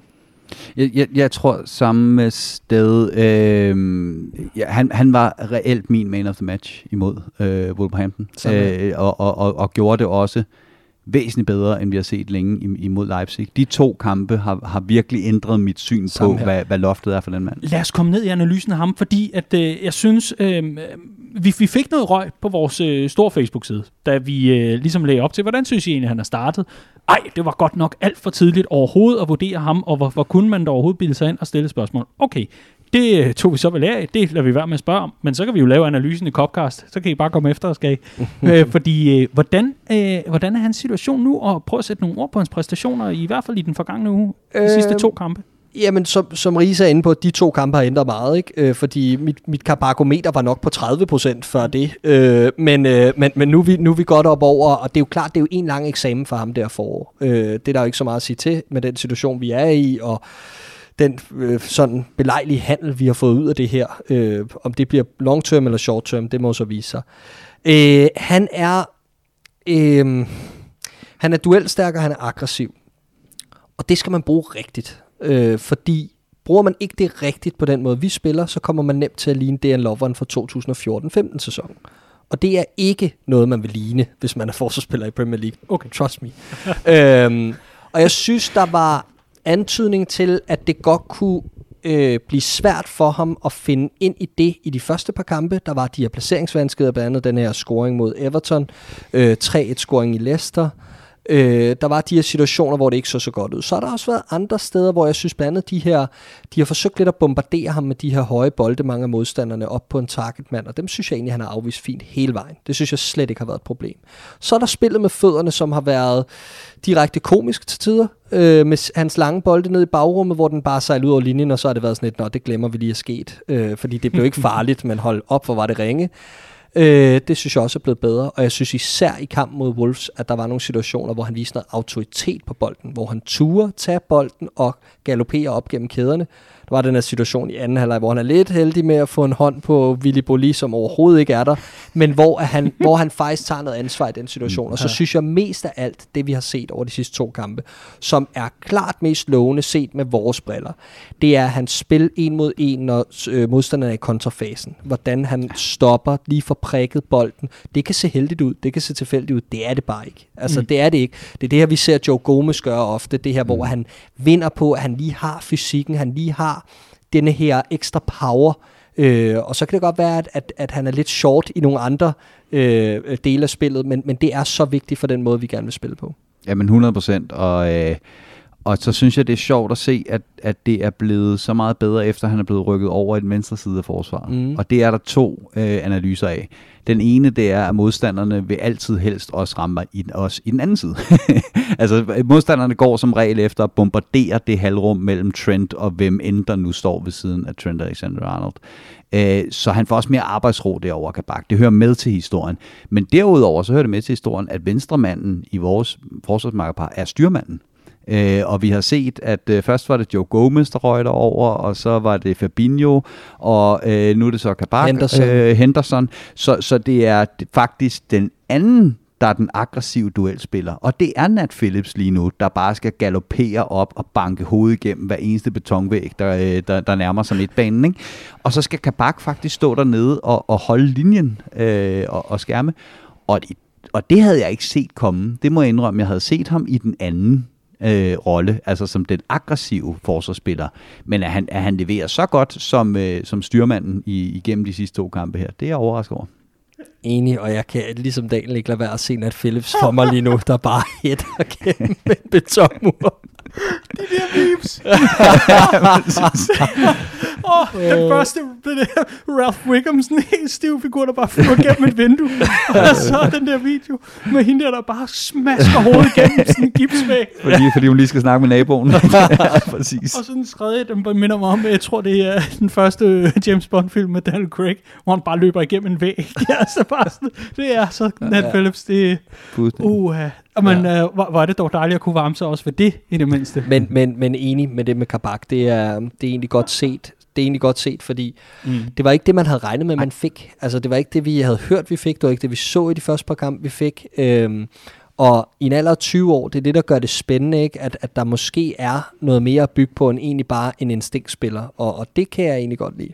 Ja, fordi jeg, jeg, jeg må egentlig også sige, i forhold til de beskrivelser, der var af ham, da vi, da vi hentede ham, og, og, og de ting, jeg så selv havde set, øh, eftersom at han var blevet rygtet til at på omgang, så når, når Schalke lige var på skærmen, eller, eller i, i, i nærheden på, på Viaplay, så kunne jeg godt finde på at klikke ind, eller lige se nogle highlight-videoer efterfølgende, og, og det jeg så, var jeg godt nok ikke imponeret Altså, af. Schalke har en målscore på minus 50. Det er så sindssygt. Jamen altså, og vi i hoveder havde også travlt med at sige, nå, men altså, missionen er jo den samme i Liverpool som i Schalke. Undgå nedrykning, ikke? Og ha, ha, ha, og formkurve og så videre. Men, men jeg synes jo faktisk på, på mange måder, at der er noget at bygge videre på med Kabak i forhold til mange, mange af de ting, I siger. Jeg synes, der er noget at bygge videre på, at jeg tør slet ikke tænke på, hvad han kan lægge til, når han får noget erfaring ved siden af sig i den bagkæde. Når han får en fast sekser i Fabinho foran sig jeg ser nogle spændende ting i det, trods alt. Og, om end jeg også må sige, Clark, jeg tror endda, jeg var nede på 20 procent på Mm. kabagometeret for ikke så længe siden. Og nu begynder jeg at forstå, hvorfor det var, at Jürgen Klopp og den sportslige ledelse valgte at sige, det er ham her, vi går efter i januarvinduet, da det hele pressede rigtig meget til. En af de sværeste positioner at skulle spille sig ind på midt i sæsonen i Liverpools system, det er centerforsvar. Som 20-årig, utaknemmelig opgave, ingen tvivl om det. Men træerne vokser heller ikke ind i himlen. Vi nej. kommer fra et usandsynligt lavt niveau, øh, og, og det er altså et historisk lavt niveau i, i Liverpool-regi. Og derfor, vi sidder også og beskriver de her kampe som om, ja, og fint vi vandt, men det var ikke prangende, og det ene og det andet fin individuel præstation. Det er længe siden, vi har set nogle store individuelle præstationer i det centerforsvar, så kontrasten er også bare skarpere. Nu får vi at se, nu bliver det, altså, det er næsten 50-50, som jeg ser det, i forhold til, om, om vi Mm. henter ham, eller om vi skal ud og lede efter et alternativ, måske mere rutineret til sommer. Lad os se her i de sidste ni, og især nu, hvor han får en landskampspause, hvor der bliver spillet noget bold ud på træningsbanen, der bliver god tid før næste kamp osv. Ikke? Men, men er, er det her, øh, man, man kunne kalde det, i gamle dage var det beer goggles, nu, nu kan man så kalde det noget andet, fordi det er, det er corona. Er, er det lidt det samme, vi er blevet vant til? Den nye normal er, at, at Liverpool, uha, og det er hjertet i halsen. Altså, er, er, vi, er vi så hurtigt vendt os til, at niveauet er så langt nede nu, at vi bliver imponeret over noget, der er ganske middelmådigt? Jamen, man kan i hvert fald sige, at, at der er ikke nogen tvivl om, at det her makkerpar skal have sæsonen ud. Det virker til, at det er Det helt 100% også planen. Ikke? Altså, øh, fyrtårnet er tilbage på midtbanen og alt det her. Så, så det bliver Kabak og Philips øh, som makkerpar dernede. og som udgangspunkt, så, så, så, så tror jeg, at min analyse under normale omstændigheder vil være, Liverpool ender ikke over en 6. plads med de to som makkerpar men det er også en 6. plads, vi jagter lige nu, ikke? Altså, så, så, øh, så, så nu må vi se. Altså, det er, det er et, et, et kriseramt mm. Liverpool-hold, hvor at, at, at, at, der skal ikke så meget til at imponere. På den anden side, så er man fandme også under maksimal pres. Du siger, vi, øh, vi går efter en 6. plads nu, fordi det er jo øh, det absolut sidste spørgsmål øh, for den her omgang, i hvert fald af vores kampgennemgang. Fordi øh, der var en række resultater i weekenden, som øh, lige pludselig åbnede en lille smule op for det der øh, top 4-race, som mange mente var totalt væk øh, efter nederlaget til Chelsea, og så i særdeleshed efter nederlaget til, til Fulham. Hvor, øh, hvor, hvor, hvor tror I, vi, vi havner inde, som vi ser ud lige nu? Er det 6. pladsen, siger du? Altså, Du må godt ændre den. Men Øh, øh, pas, fordi øh, jeg, jeg, jeg sidder stadigvæk, jeg sidder stadigvæk, kan I ikke mærke det? Altså den der følelse af, at Brendan Rodgers og Leicester, og vi har set det før, og nu kommer med nedsmeltningen bare. Men der, øh, der er og 10 det- point, ikke? Jeg ved det, og de jeg er ved det godt. tilbage på sporet. Jeg ved og det jeg godt. ved godt, de har et svært slutprogram. Men Jeg ved det godt. jeg tror sgu ikke, det er dem, vi skal hente, Andreas. Øh, jeg, jeg vil mere end gerne, gerne altså, hente dem. Det vil da være en, Ja, ja, en det- sand fornøjelse. Lige præcis dem. Det gider jeg det, godt. Jo. det, det, det vil vi alle men, sammen. men altså, jeg, jeg, jeg, jeg vil sige på den måde, at håbet er lysegrønt, og du får mig ikke til at sige nu, at Liverpool ikke kan lave et push mod top 4. Mm. Øh, der er også det der med, om man kommer fra baghjul, eller om man er i spids. Det har vi også selv prøvet, øh, hvad det kan gøre for, øh, for mentaliteten på et, øh, på et fodboldhold. Øh, men, men, men det er øh, hvis vi snakker barometer, så kan vi her snakke top 4 ometer, og der øh, svinger jeg mig godt nok ikke over øh, 30 procent. Nej. Nej, det, det gør jeg måske heller ikke, og mest af alt på grund af måden, vi, vi, vi spiller på i øjeblikket. Så det, det, derfor er det jo vigtigt, at vi får de resultater, vi så har fået den sidste uge. Mm. Fem point fra Chelsea til den top 4, det er ikke umuligt. Der er ni kampe igen, og vi har et ganske sådan fint program øh, i de sidste ni. Så altså, det, vi, vi kan sagtens, men det bliver eddermuk med svært, også med det momentum Chelsea har. De er Mhm. ubesejret under Tuchel og alt det her, ikke? Øh, men det er dem, vi skal hente, som jeg ser det. Kommer I til min parade, hvis vi ender i top 4? Er du sindssyg? Ja, Fedt. Fanmarsch. Fanmarsch op og ned ad Vesterbrogade. Det bliver skide godt. Nå, gutter, det var i øh, gennemgang øh, først og fremmest øh, Leipzig-kampen, og så altså nu Wolverhampton. Nu skal vi til det. Vi skal til Bella og Birdie. Så skal vi i gang med en omgang øh, Bella og Birdie, som også bliver afslutningen øh, på det her program, fordi øh, der er ikke rigtig nogen øh, kampe at varme op til, og selvom Riese han protesterede højlydt, så kommer vi altså ikke til at varme op til Mali mod Guinea. Det kommer ikke til at ske. Ikke på min vagt. Til gengæld, Riese, så kan jeg fortælle dig, at øh, alt, hvad der hedder indbakke og kommentarspor og alt muligt andet, det flyder over med henvendelser fra lyttere, der simpelthen har brug for en update på din managerkarriere. Så vil du ikke være sød lige at fortælle os, hvordan går det med din managerkarriere? Øh, jo, men jeg kan gøre det meget kort, fordi jeg har simpelthen fundet ud af, at jeg er, jeg er det, der hedder humørspiller øh, i manager.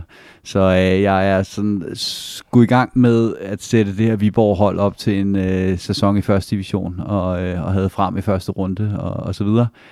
Øh, og så tog det simpelthen bare pusen for mig. Jeg kunne ikke finde de trænere, jeg ville have, og så videre. Øh, og så skiftede jeg sgu over og spillede Crusader Kings 3 i stedet for.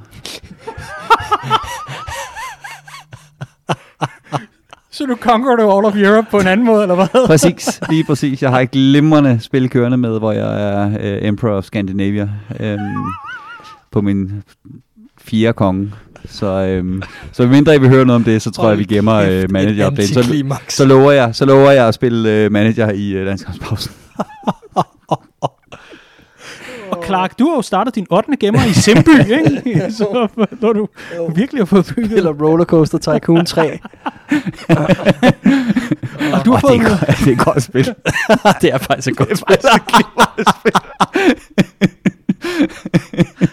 Hold kæft, de to. Nå, og jeg tror ikke, der er så mange, der vil høre om, at jeg spiller mine stryger. Så lad os komme i gang med, øh, med Bella og Birdie, hvor øh, vi jo, som vi plejer, øh, starter med det negative. Og i den forbindelse, der vil jeg høre dig, Riese. Hvad har du med af negativitet og birdies til os i den her uge? Øh, jamen, vi skal tilbage til Leipzig-kampen faktisk, øh, og, og vi har været lidt inde på det tidligere, men, men det handler simpelthen om, at øh, med et kvarter igen af den kamp, der er Andy Robertson kørt ned til sokkeholderne. og Kostas Tsimikas bliver siddende på bænken. Vi har simpelthen købt en venstreback åbenbart, som Klopp er bange for kan smide en 4-0-føring over styr på et kvarter. Øhm, det er altså voldsomt, ikke? Og vi står lige nu øh, og, og, og skal have hvilet af Andy Robertson, og det ser mere øh, nødvendigt ud end, end meget længe, og det kommer bare ikke til at ske. Øhm, og, og det, er jo ikke, det er jo ikke så meget personen Simikas eller Andy Robertsons præstationer, jeg er ude efter. Det er igen situationen, som er, at vi har skyllet til synligheden 12 millioner pund øh, ned i lokummet for en venstrepak, som, som, som Klopp bare ingenlunde stoler på på nogen som helst måde. Mm, ja, men han har også siddet ude i lang tid. Det har han. Han har været skadet. Han har også været meget syg. I, sin, Han har Nå, været i meget sin første syg. sæson, han har også haft coronavirus, ikke? Han har også haft coronavirus, og, og jeg er helt med. Og, og det er også fair nok, og, og vi kan også gå tilbage til, at Andy Robertson selv skulle have en lang indflyvningsperiode, Fabinho skulle have en lang Mm. indflyvningsperiode, men der snakkede vi et halvt år. Efter et halvt år, så havde de haft marquee-præstationer, hvor man kunne se, hvad det var, vi havde købt. Her der var det altså andet valget på venstre bak, og det var en tidligere Esbjerg bak, vi hentede i en græsk liga, som er øh, virkelig for nedadgående. Øh, og jeg synes bare, det er, det er bekymrende, for at sige det som Mm. mm. det er. Det er en god birdie, det synes jeg. Og, øh, og en lidt øh, atypisk birdie, må man også sige. Så, øh, så dejligt lige at få den græske vensterbak tjekket af, inden sæsonen var slut, som øh, denne uges birdie. Clark, hvad er din? Min er selv samme med Andy Robertson, og de her tre spiller vi jo lidt inde på i, øh, i nedtakten øh, lige før. Øh, ham, Gini Wijnaldum og Sadio Mane, som har spillet så mange minutter i den her coronasæson, øh, og simpelthen virker nedslidt. Øh, jeg synes, at Gini Wijnaldum spiller sideland, så han bliver mere og mere lig- ligegyldig for hver kamp, der går. Øh, jeg synes, at Andy Robertson magter ikke at, at, at lave noget offensivt på den sidste tredjedel længere. Det kan der være mange forklaringer på, blandt andet det, at man skal passe bedre på centerforsvar osv. Og Sadio Mane har vi været inde på, ikke? Øhm, og det, der sådan går igen for dem alle tre, er det her manglende overskud til at levere det ekstraordinære. Og, og det savner vi bare så meget. Øhm, så det her, vi også har snakket om tidligere med, at jo flere skader, der kommer, jo mere tyndsligt bliver vi også på de kræfter, der er klar. Jamen, det er et rigtig godt eksempel på det, netop lige her. Øhm, så det savner jeg rigtig meget, at se noget ekstraordinært for de tre, og men jeg godt forstår det, så er det dybt frustrerende. Vi øh, skal også have en, øh, en god portion øh, lytterbud ind. Der er kommet nogle, øh, nogle rigtig skarpe i den her uge, og det er jo sådan, at alle, der byder ind med Bella og Birdies, de bliver noteret, ikke i den øh, lille sorte bog, men øh, på en fin liste, hvorfra vi trækker lod om helt eksklusivt Copcast Kros. Og der er altså allerede nogen, der allerede nu kan rende rundt og være, være stolte af det. Husk at vaske det op i hånden, så det holder længere. Det er lige et husmor-tip herfra. Men lad os kaste os over det.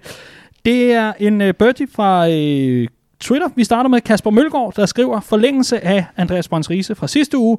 Kommentator, debat af, hvorfor man ikke smider sig i feltet mod Wolves.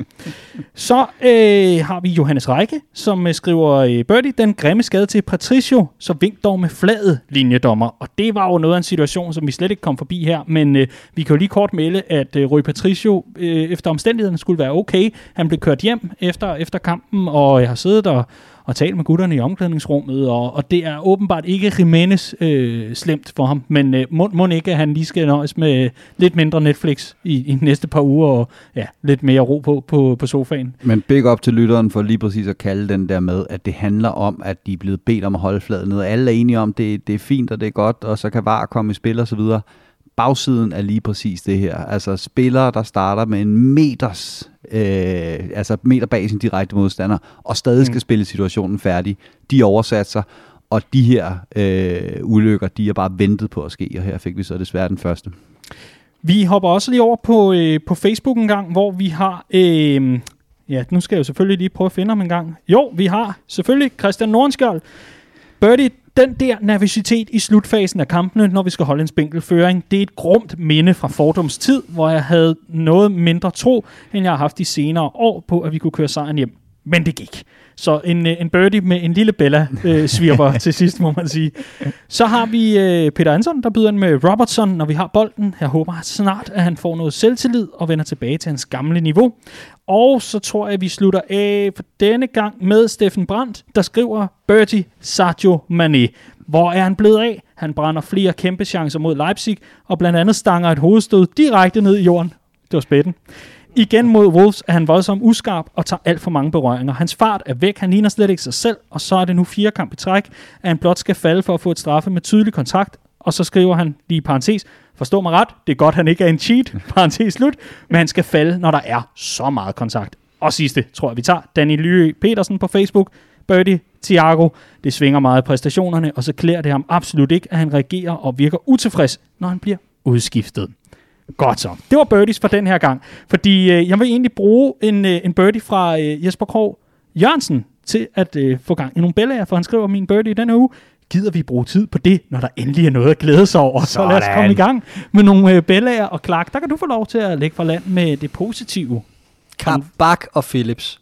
Hold kæft, hvor er det fedt at se en centerback, du, der ikke indkasserer mål og er tilgængelig til hver kamp. Det er jo storartet. Så bare det at kunne stille den samme øh, midterforsvarsakse til øh, to kampe i samme uge er jo nærmest en sensation. Ikke? Så altså, super positivt. Vi har været inde på, at Nat Phillips ville løbe igennem øh, ja, øh, ja, en betonmur, hvis det var nødvendigt bare i holdets tjeneste. Ikke? Og det er, jo, det, det er jo sådan nogen, man, man bare ikke kan andet end at holde af. Og så kan Bak jo bare løfte sit niveau, og det er en fornøjelse. Så uh, long may it continue. Jeg kan lige byde ind med Danny Lyø Petersens uh, Bella, fordi det er en direkte forlængelse af det, og jeg synes, det indkapsler meget fint i forhold til i hvert fald uh, Nat Phillips. Han skriver, Nat Phillips, hvis mine børn bliver fodboldspillere med begrænset talent, så vil jeg vise dem en video af Nat Phillips seneste fem kampe for at vise dem, hvor langt man kan komme med hjerte og viljestyrke. Den synes jeg er rigtig fint, den kommentar. Og en rigtig fin måde at opdrage sine børn på et eller andet sted. Til at løbe igennem en beton. Ja, præcis. nu skal du høre, vi skal have, vi skal have ryddet her og lavet det køkken alrum. Gider du? løb, løb, løb, så hårdt du kan. Nå, Riese, vi skal have noget Bella for dig. Ja, jamen, øh, det vil næsten være oplagt at tage øh, Fabinho, den nye Messias, som øh, spillede fremragende mod Leipzig. Øh, jeg synes, han skylder... Øh, skylder Kabak en stor is med øh, flødebold og guf og syltetøj i kampen mod Wolves. Der synes jeg øh, ikke, vi så helt samme niveau. Den, øh, men det skal nok blive godt på den lange bane. Og øh, jeg går i stedet for med øh, Diogo Jota. Og det gør jeg af den øh, simple grund, at øh, han spiller ikke nogen brandkamp øh, mod sin gamle klub. Det kan man egentlig ikke sige. Men vi har snakket om det her med, at vores målscorer, vores normale målscorer, er afhængige af momentum og selvtillid og alt det her, og så sparker de også tingene ind. Men når de ikke har den momentum, ikke har den selvtillid, så skal de godt nok bruge mange chancer til deres mål. Og lige her, der så vi præcis, hvorfor deres shot, han er så vigtig for det her øh, Liverpool-hold. For det er ikke nogen stor chance, han har der. Øh, men han er bare en naturligt bedre afslutter end nogen af de andre, vi har op i den øh, fronttrio den er så godt klappet ind. Øh, og, og det ser måske ikke sådan øh, voldsomt overbevisende ud, og målmanden øh, skal, skal måske også gøre det bedre. Men den kommer overraskende i det korte hjørne på hans dårlige ben, vel at mærke. Øh, det, var, det, var, øh, det var fantastisk at, at opleve det der med Liverpool score på en halv chance. Mm. Altså, hvornår har vi sidst oplevet vores Liverpool-hold ja. gøre det? Det var fuldstændig guddommeligt, så... Øh, så Bella, den ryger til, øh, til Diogo Jota i den her uge. Over på Twitter, der byder Anders Schack ind med Bella, dejligt med en arbejdssejr og tre beskidte point. Den slags kampe har vi tabt de, øh, tab, har vi tabt de sidste mange måneder, skriver han. Det er fuldstændig rigtigt. Og øh, så har Johannes Række igen, fordi han spiller historien om Nat Phillips, der brager YNVA fra bilen den dag, vi vinder Premier League. Så han City-sympatiserende holdkammerat vidste, hvad der var sket. Han er den nye kultheld, der giver sig 110 procent. Og så tror jeg, vi er nået til vejs ende øh, næsten, fordi øh, vi har en Bertie Bella her i den her uge med, øh, med modtager på. Og den går således. At jeg i sidste uge nærmest råber og skriger af, hvor uintelligent Clark er i forhold til, at han ønsker at se Nat Phillips i kampen mod de hurtige Red Bull-drenge. Jeg havde dog ikke forventet, at Nat Phillips i den kamp skulle blive Van Dijk 2.0. Så Bella er jeg tog fejl, og Birdie er jeg tog fejl. og, øh, oh, ja. og han, øh, Ja, han har jo ret et eller andet sted. At det, no, ja, jeg er uintelligent. Nej, ikke ret i. Overhovedet ikke. Men fantastisk, du selv greb muligheden for en joke der. Det, den, den skal du lyde. Om ikke andet, øh, det, det var faktisk noget helt andet at prøve at sige. Han er Van Dijk 2.0. Det er bare, han er bare lang tid om at blive opdaget sådan for ja, ja, jeg kan, jeg kan bare... Van Dijk var også en late bloomer. Ja, præcis. Ikke? Jeg kan bare sende et par opmuntrende ord. Altså bare fortsæt med at være uenig med Clark. Det betaler sig i længden. Man får ret flere gange, man tager fejl. Ej, hvor er det dejligt at være samlet i samme rum igen. hva'? Ja. ja, nu kan I sidde og, og, og slå ud efter hinanden her. Ja. Ja. Det er godt, vi har afstand på og, og, og fuld udluftning. Det var øh, Bella og Birdies for, øh, for, for den her uge. Tusind tak til alle jer, der tager tiden og lige stopper op i en, i en travl og, øh, og for, for hastet hverdag og ja, byder ind med, med nogle gode ting, man kan sidde og læse op i, jamen, i, i det her format, men så altså selvfølgelig også øh, generelt i forhold til Liverpool-debatten. Og det er faktisk en ting, jeg gerne vil smide ind som en beller her, det er, at jeg synes, at øh, efter en periode, hvor det har været lige lakrids nok til mig, at øh, gå på sociale medier, især nogle af de fora, vi selv har med kommentarspor og alt muligt andet, øh, der var jeg ved at være lidt træt til sidst så synes jeg faktisk, at det er blevet, det er blevet rigtig konstruktiv ånd. Og ja, der er selvfølgelig nogle resultater, vi kan varme os lidt ved, men, men det, det, jeg, jeg kan mærke, at det hjælper, at der er flere, der også kan se, at der er noget håb, og der er en anden måde at, at, at være på og at tale med en anden på. Så jeg synes, det er fedt, at den generelle Liverpool-debat er vokset op, og så vokset Godt. op, er groet og, og blevet bedre. Og så noget andet er også, at det er super fedt at se det her format, Fanalysen, som jo Mhm. mm. foregår på Twitter, apropos dem, der bruger det, at man lige kan byde ind med et hashtag Redman.dk, og så sidder Clark som en store udvælger og sensor dagen efter og udpeger. Og der er jeg blevet valgt et par Og gange nu. censurere gør Ja. jeg også. Ja, det gør du også. men der, der er jeg blevet udvalgt et par gange, det er jeg glad for. Ja, Tak for du det. er Clark. også god, Daniel. Nej, men, men Jo. vi skal have nogle flere med, sådan så det ikke er, Ja, det er mig, der bliver valgt det skal vi. Men det er, det er fedt. Det er også forfriskende, når det ikke nødvendigvis er gået Liverpools vej og læse nogle reaktioner fra, fra medfans og sådan noget. Så Ja. ja. man, man kan sgu blive meget godt humør, at der lige kommer et opråb. Og, Men øh, noget, øh, noget, jeg egentlig gerne vil tale med jer om, øh, gutter, fordi øh, der er jo ikke så meget, frygtelig meget med fodbold, vi, vi, vi, vi kan diskutere for nu. Det er der sikkert i forhold til nogle ting, vi har glemt på vores øh, kampgennemgang og så videre. Men det, jeg egentlig vil tale med jer om her på, øh, på falderæbet, inden vi tager os en, en god pause til noget landskampsfodbold eller landsholdsfodbold, og, og hvad har vi? det er egentlig sådan Redman Family generelt, fordi at øh, jeg, jeg synes, at det er enormt spændende at se vores fællesskab, hvor det er på vej hen, og jeg synes, det er enormt øh, interessant at se i forhold til, at øh, vi har en masse lokalafdelinger, der næsten har været altså de facto lukket i, i, et, i et år. Mm. Der er altså nogen, der ikke lige var heldige, at der var nogen, der havde mod på at åbne op, da der var den her, øh, det her lille vindue på Mm. nogle måneder, og sæsonen stadig var i gang. Jeg øh, kan simpelthen ikke vente med at høre, hvad de nye restriktioner, eller hvad, hvad, hvad hedder genåbningsplaner, de, de, øh, de, de lyder på, fordi vi har godt nok et stærkt fællesskab lokalt rundt omkring i hele landet, som jeg glæder mig til at få kickstartet igen, ud og besøge nogle af de afdelinger, og de mange gode mennesker, som altså er med. Og Clark, prøv lige at sætte nogle ord på, hvis man nu ikke er øh, gammel i gårde i Redman Family mm. øh, og man øh, har meldt sig ind for nylig, og man synes egentlig, det er meget fedt. Øh, hvordan er det når socialt? Prøv at sætte nogle ord på i forhold til, hvad er en lokalafdeling i Redman Family, og hvad laver man der? Jamen, vi har jo en masse fællesskaber i fællesskabet, om man vil. Og det er jo de her lokale, frivillige øh, folk, som vi kalder vores formænd og vores øh, frivillige styregrupper, som hjælper til med at lave de her lokale fester rundt omkring på barer eller værtshuse eller popper øh, i forskellige byer. Og der har vi 16-17 styks før coronaen, og så er der også kommet en 2-3 styks ekstra på her øh, ja, Mm. midt under lockdown, eller da der var delvis åbning på et tidspunkt. Øh, og det vil jo så sige, at vi er oppe over en 20 stykker nu, så når verden igen tillader det, så kan vi komme ud og se fodbold i 20 forskellige byer rundt om i, øh, i, i Danmark. Og, øh, og altså, som du siger indledningsvis, kæmpe kredit til øh, vores frivillige styre, øh, ja, styregrupper, formænd, så videre, alle dem, der har bidraget, fordi det vi også kan se rundt omkring i grupperne, selvom der ikke har været liv på popperne og så videre, så er der trods alt blevet holdt gang i tingene. Altså julen er blevet ved at køre, blevet konkurrencer, der er blevet lavet forskellige tiltag rundt omkring, som har gjort, at man trods alt har følt, at der stadig er sket noget. Mm. Og det er altså, det, vi, har, vi har rundet et år nu. Altså det er, det er kæmpe respekt for, at man har kunnet det i lille Danmark øh, omkring Liverpool FC. Ja, og, og, og, Danmark, hvor vi bare ikke har været så begunstiget endnu, der skal overhovedet ikke gå politik ind, men vi har bare ikke været lige så begunstiget af, at der er nogen, der har sagt, godt, så åbner vi det hele op og ser, hvad, hvor, hvor, hvor det havner henne. Og der har vi altså alligevel holdt skruen i, i vandet, i hvert fald lokalt mange, mange steder. Det er, Det er enormt interessant. Riese, du har jo været rundt i nogle af de her lokalafdelinger, fordi øh, så har du haft en bog, du lige har skrevet, øh, og, og så, så skulle du ud og holde et oplæg omkring det og sådan noget. Hvordan foregår sådan en kampdag på, i, en- i en lokalafdeling? Jamen, det, det er først og fremmest meget forskelligt, og det er jo det, jeg synes, der er styrken ved det her. Øh, der er, øh, Danmark er et lille land, øh, men der er stor forskel, og Liverpool-fans er, er, er, som folk er flest, og så også forskellige. Øh, så der er bare stor forskel på, hvordan man kører tingene i Køge, eller i Aarhus, eller i København osv. Øh, men først og fremmest er det bare, øh, er det bare bravende hyggeligt ikke? Øh, at komme ned og se. Øh, der, er både, der er både de større arrangementer, altså hvor der er... Øh, der er fest på drengen, og så er der også den der helt normale, stille og rolige øh, kampdag, øh, tidlig kampstart søndag, øh, hvor man sidder øh, syv mand med, med tømmermænd øh,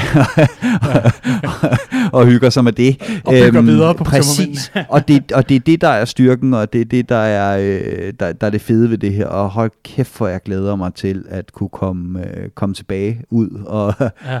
og, og mødes med folk og se mm. Liverpool. Mm. Øh, det, det, det, det, det er bare det, det er bare så fed en, en oplevelse, og det er bare så fedt at mærke den der, øh, Mm. den der varme, og det er så fedt at mærke, øh, ikke at vi skal blive med at være efter det, vel, men nu nævnte du det selv, tonen på de sociale medier, Daniel, ikke? Altså, det der, det der, det der med, at, at der kan både blive råbt højt, der kan falde en finger af panden, og så, øh, så er man gode venner igen bagefter, og, øh, og, og, og, og drikker en, en, en fadøl, ikke? Øhm, det er bare, det gør så meget godt, når man kigger hinanden i øjnene, øh, i stedet for, når Mm. man sidder øh, hjemme bag øh, hver sin skærm og, og misforstår hinanden. frustrationerne får afløb på en anden Præcis. måde, og så tror jeg også, det er vigtigt at sige, at vi snakker meget fadøl og hygge, og så kan man drikke tømmermændene videre og alt det her.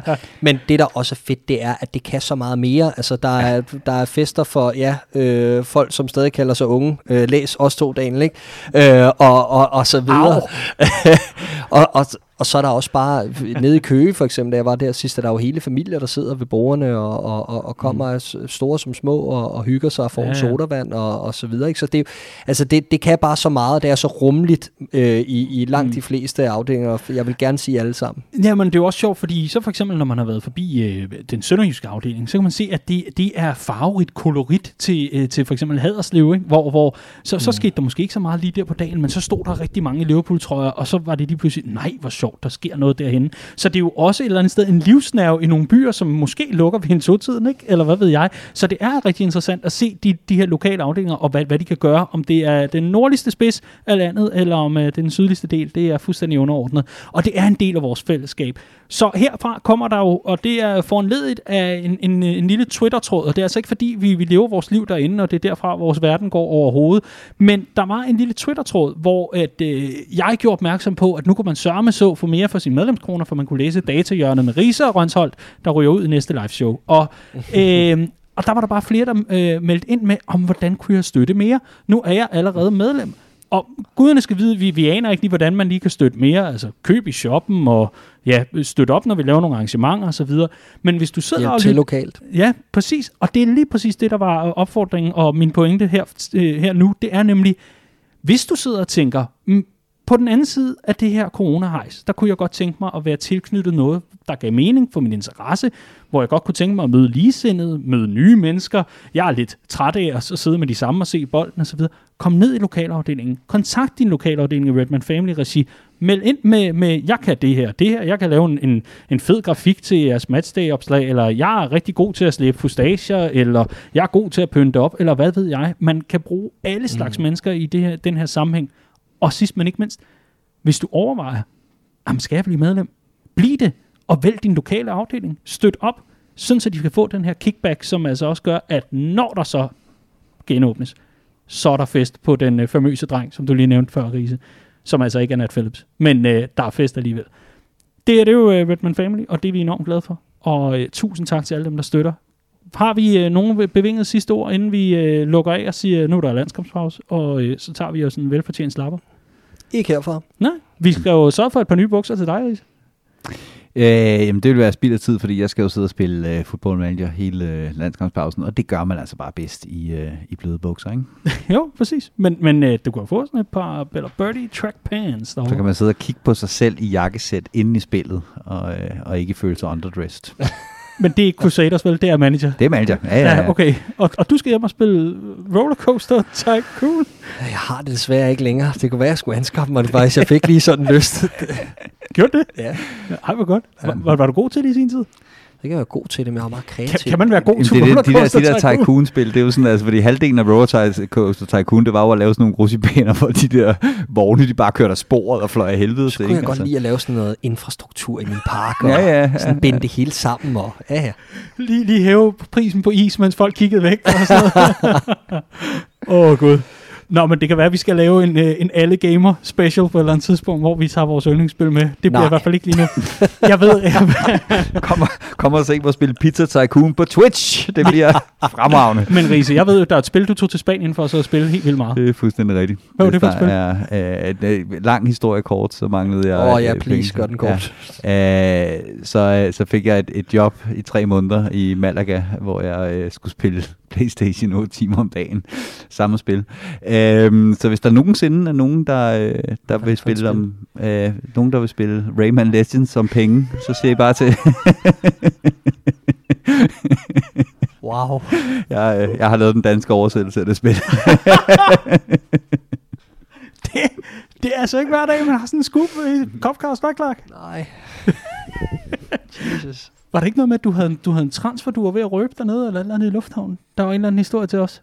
Der var noget med nogle fodboldspillere nede i den Malaga lufthavn, eller hvad fanden var det? Nå, nej, det var, det, jeg boede i Malaga, og, og Niklas Bentner var, øh, var øh, rygtet til Malaga. Øh, og så sad jeg og snakkede med de der spanier, og de ville rigtig gerne høre om Niklas Bentner, og jeg ville rigtig gerne høre om Jago Aspas, for der havde Liverpool lige købt.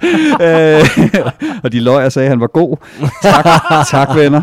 Øh, og så, øh, så da, jeg skal, da jeg skal i lufthavnen, så kommer jeg som den aller sidste, tror jeg ikke, og jeg har så dårligt som det er så dårlig stil at være den sidste, der kommer ind i lufthavnen der og står i kø. Og så øh, fem minutter i, at skranken lukker, så kommer Niklas Bender ind og stiller sig bag ved mig. så, så, så, øh, så lad mig sige det på den måde, at øh, den der med, at han var i Malaga for at, øh, at snakke med dem om en eventuel transfer, den, den, den tror jeg på. Det er mange år siden. Det er det. Og øh, nu tager vi os en velfortjent pause. Efter den første studieudgave af Copcast i 2021.